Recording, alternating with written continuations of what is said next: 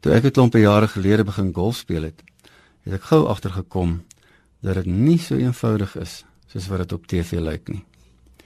Op 'n dag het 'n ervare golfer my onderhande geneem en dadelik verduidelik dat ek die golfstok hopeloos te styf vashou. Hy het gesê jy sal nie die spel regtig geniet as jy nie jou greep verander nie. Saggies, ligweg het hy die greep beskryf wat ek nou moes probeer inoefen. Golfstokke is vroulik het hy gesê. Jy moet sag en respekvol daarmee omgaan. Met hierdie beeld in gedagte praat ons weer oor gewone geloof, praktiese geloof. As 'n mens in God glo, as 'n mens in God glo wat genadig is, wat jou omarm, wat jou liefhet, dan werk jy sag met ander mense.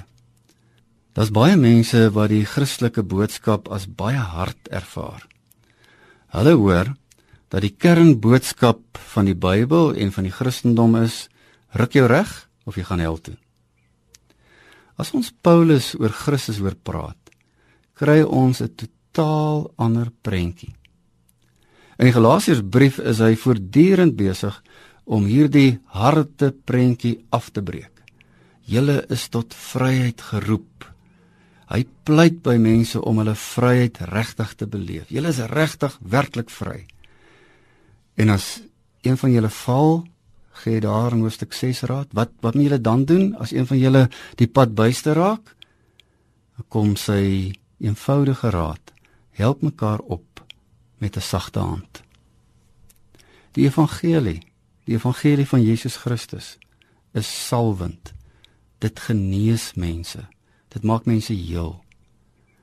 En daarom moet ons verstaan dat as ons oor gewone geloof praat, geloof wat in praktyk geleef word, dan beteken dit niks anders as om sag met mekaar te werk nie.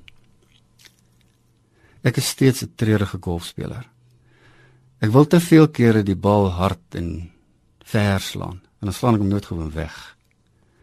En dan forceer ek alles. Ek, ek weet ek moet dit nie so doen nie, maar dit is asof ek dit net nie reg kry nie is doodgewoon omdat ek nie na my mentor geluister het nie.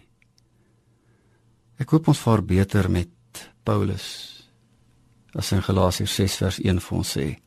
Broers en susters, as iemand in die een of ander sonde val, moet julle wat julle deur die Gees laat lei, so iemand in 'n gees van sagmoedigheid reghelp.